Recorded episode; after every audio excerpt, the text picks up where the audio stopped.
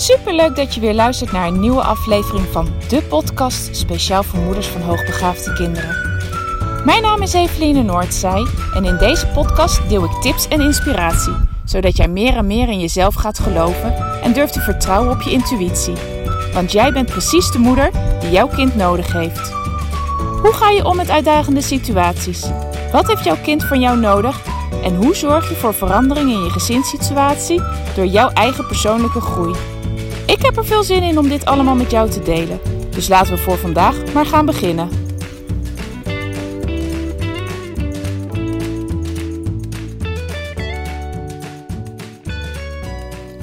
Ha, lieve luisteraar. Nou, als jij vaker naar deze podcast luistert en eigenlijk elke dag probeert te beluisteren, dan weet je dat ik ze normaal gesproken altijd al in de ochtend online heb staan. Maar vandaag even op een later moment. De opname die ik gisteren had gemaakt, die was voor mij ja, niet goed genoeg. In de zin van, ik uh, had heel veel last van de wind. En ik had besloten dat ik een nieuwe podcast wilde opnemen. En ik was ik daar gisteren niet meer aan toegekomen, dus ik doe het nu. Het is uh, woensdag en woensdag is altijd mijn werkdag. En momenteel heb ik even een moment om hier dus nu tijd voor te maken. Dus vandaar dat deze wat later dan dat je gewend bent online staat. Maar hij komt alsnog vandaag, dus beter laat dan niet, zullen we maar zeggen. Vorige week werd ik door een moeder van een oud cliënt gebeld en zij wilde heel eventjes met mij overleggen. En het ging niet om de, eh, de, de zoon van haar die ik al eh, eerder had onderzocht, maar om hun dochter. En dat had te maken met het feit dat ze merkte dat haar dochter helemaal niet zo lekker in haar vel zat. Zoals je van me weet, probeer ik altijd zo min mogelijk details te vertellen. Maar om er wel een beetje context uh, daaraan te geven. Um, uh, zij, hun dochter zit sinds kort op de middelbare school. En um, ja, het gaat gewoon niet zo heel erg soepel, niet zo heel erg lekker. En ze had zoiets van: ja, ik wil er eigenlijk gewoon heel graag even met jou over praten. Want ik weet niet zo goed wat we hier nu mee moeten. En ja, misschien kan jij er ook eens even een licht over laten schijnen.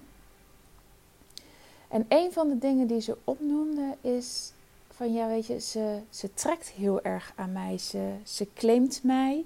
Ze heeft mij heel erg nodig. En ik merk daaraan dat het onder andere daaraan dat het niet goed met haar gaat. En nou dat, datgene wat zij onder andere aangaf dat van, dat, van het claimen en dat, dat haar dochter haar zo erg nodig heeft, ehm, dat heb ik geprobeerd voor haar te duiden in de zin van ja, dat is een uiting van dat er stress is. Op het moment namelijk dat een kind stress ervaart, heeft er vaak heel erg de behoefte aan nabijheid. wat ik vertel geldt natuurlijk niet altijd voor alle kinderen. Uh, maar heel veel kinderen hebben dan een enorme behoefte aan nabijheid.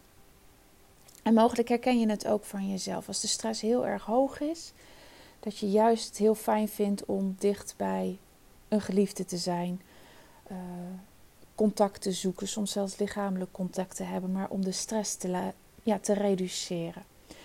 Uh, nou, ik hoor het heel vaak van andere ouders ook terug dat, dat ze dit ook herkennen bij hun kind. En ik weet uit eigen ervaring ook, voor mij is dat ook echt een signaal als mijn kinderen voor mijn gevoel me echt claimen. Dat je denkt van, oh, geef me nou toch eens een keer de ruimte. Laat me nou toch eens een keer met rust. Ga iets voor jezelf doen.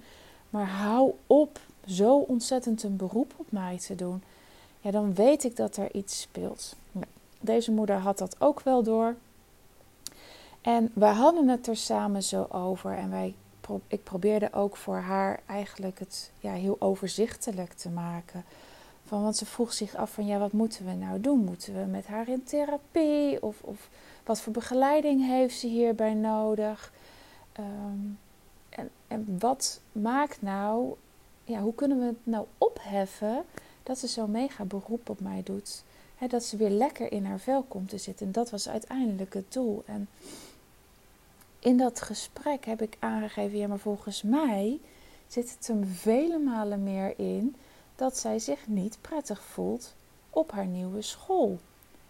En het heeft niet zozeer te maken met haar als persoon dat ze hè, niet, niet voldoende vaardigheden heeft of niet voldoende doorzettingsvermogen heeft of niet wil leren of niet weet hoe te, te moeten leren. Want dat kon ik ook heel erg uit het gesprek en hetgeen wat deze moeder mij vertelde opmaken. Dus het signaal wat, wat, wat deze dochter afgaf was vele malen meer uh, een schreeuw om hulp van dat ze niet op de juiste plek zit. En ja, dan is het aan jou als ouder, als je dit ook herkent, te achterhalen van hoe kan het dan? Hoe kan het dan zo zijn? Wat speelt er dan dat, dat mijn kind zich niet goed voelt op deze plek, op deze school? En voor mij is dat altijd het eerste rijtje wat ik afloop. Uh, zowel in het verleden met mijn eigen kinderen als nu met, met ouders die dit uh, bij mij neerleggen. Is van oké, is er voldoende uitdaging? Welke vorm van uitdaging is er? En is die uitdaging voor jouw kind goed genoeg?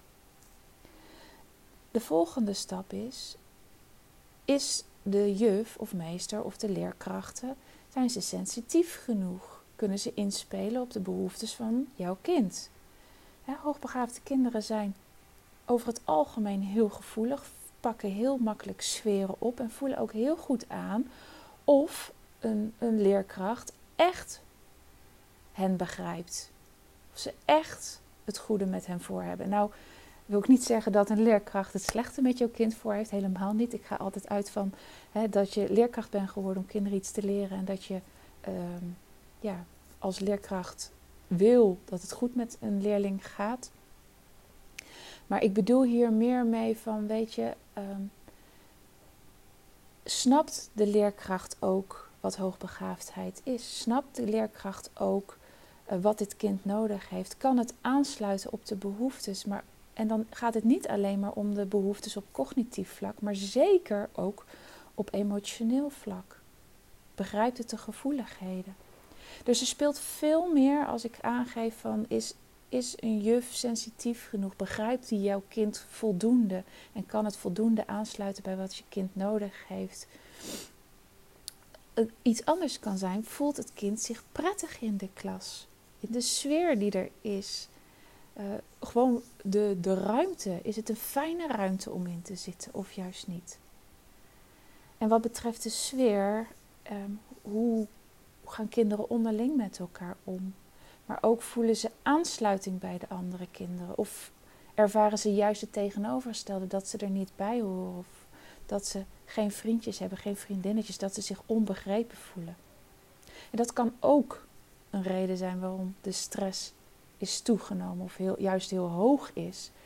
Waardoor ze dat claimerende gedrag naar jou toe uh, vertonen. Het zijn even drie aspecten die ik altijd terugvraag bij ouders. Hoe kijk je daarnaar? Wat hoor je daar van je kind over terug? En zijn daar dingen om te verbeteren?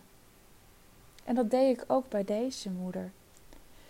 En al pratende kwam ze tot de conclusie dat het niet de, de, de oplossing voor hetgene wat uh, voor het gedrag van haar dochter niet zat in haar dochter zelf. Dus er hoeft niet iets te gebeuren op wat voor vlak dan ook met haar dochter. Maar dat het vele malen meer zat in haar omgeving. Nou, en vanuit, die, uh, vanuit dat inzicht uh, gaf ze ook aan, ja, hier kan ik wat mee, hier kan ik, vanuit hier kan ik ook verder gaan handelen. Ik weet nu wat mij te doen staat. En wat ik zo mooi vond, dat ze dat uh, kon, kon benoemen naar mij. En waar ik ook dan heel blij mee ben, omdat dat ook hetgene is uh, waar ik voor sta. Is van, het is zo fijn als iemand het zo makkelijk weer klein kan maken. Want het begon heel groot te worden in mijn hoofd. En ik, hè, ik had al van allerlei ideeën over wat er misschien moest gaan gebeuren. Maar dat, het werd groot en groot en groter. En door te luisteren en door te vragen, maak jij het weer klein en behapbaar. En weet ik ook welke stappen ik nu moet gaan nemen. En dat vind ik zo belangrijk. En ik vond het zo fijn en mooi dat ze dat mij ook terug kon geven.